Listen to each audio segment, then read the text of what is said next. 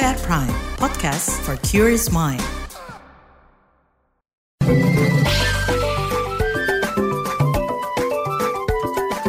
WhatsApp Indonesia.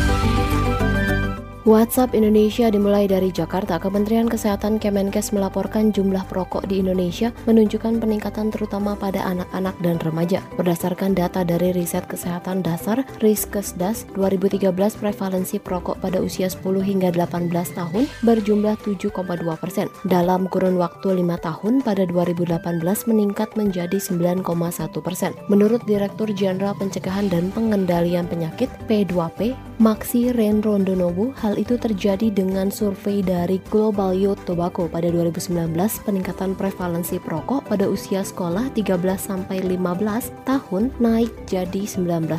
Selain itu, menurut The Tobacco Atlas 2020, Indonesia menduduki peringkat ketiga untuk jumlah perokok terbesar di dunia setelah Cina dan India. Tema nasional Hari Tanpa Tembakau pada 31 Mei 2023 hari ini yaitu kita butuh makan bukan rokok. Sedangkan tema global Awalnya adalah We Need Food Not Tobacco.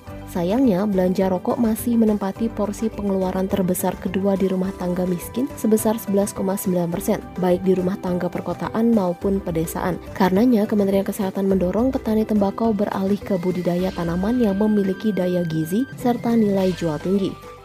Selanjutnya menuju Yogyakarta, sekitar 80% sekolah di DIY sudah menerapkan kurikulum merdeka yang diinisiasi oleh Kemendikbudristek. Kurikulum tersebut diklaim bisa mewadahi kreativitas dan potensi siswa. Saat di Yogyakarta, Nadiem mengungkapkan saat ini siswa membutuhkan sistem pendidikan yang mengakomodasi kreativitas dan potensi siswa yang bermacam-macam. Dalam kesempatan itu, Nadiem juga mengapresiasi DIY atas alokasi sebesar 20% dari APBD untuk pendidikan. Hal ini dianggap penting karena besarnya alokasi APBD sangat mempengaruhi kualitas pendidikan itu sendiri. Demikian WhatsApp Indonesia hari ini.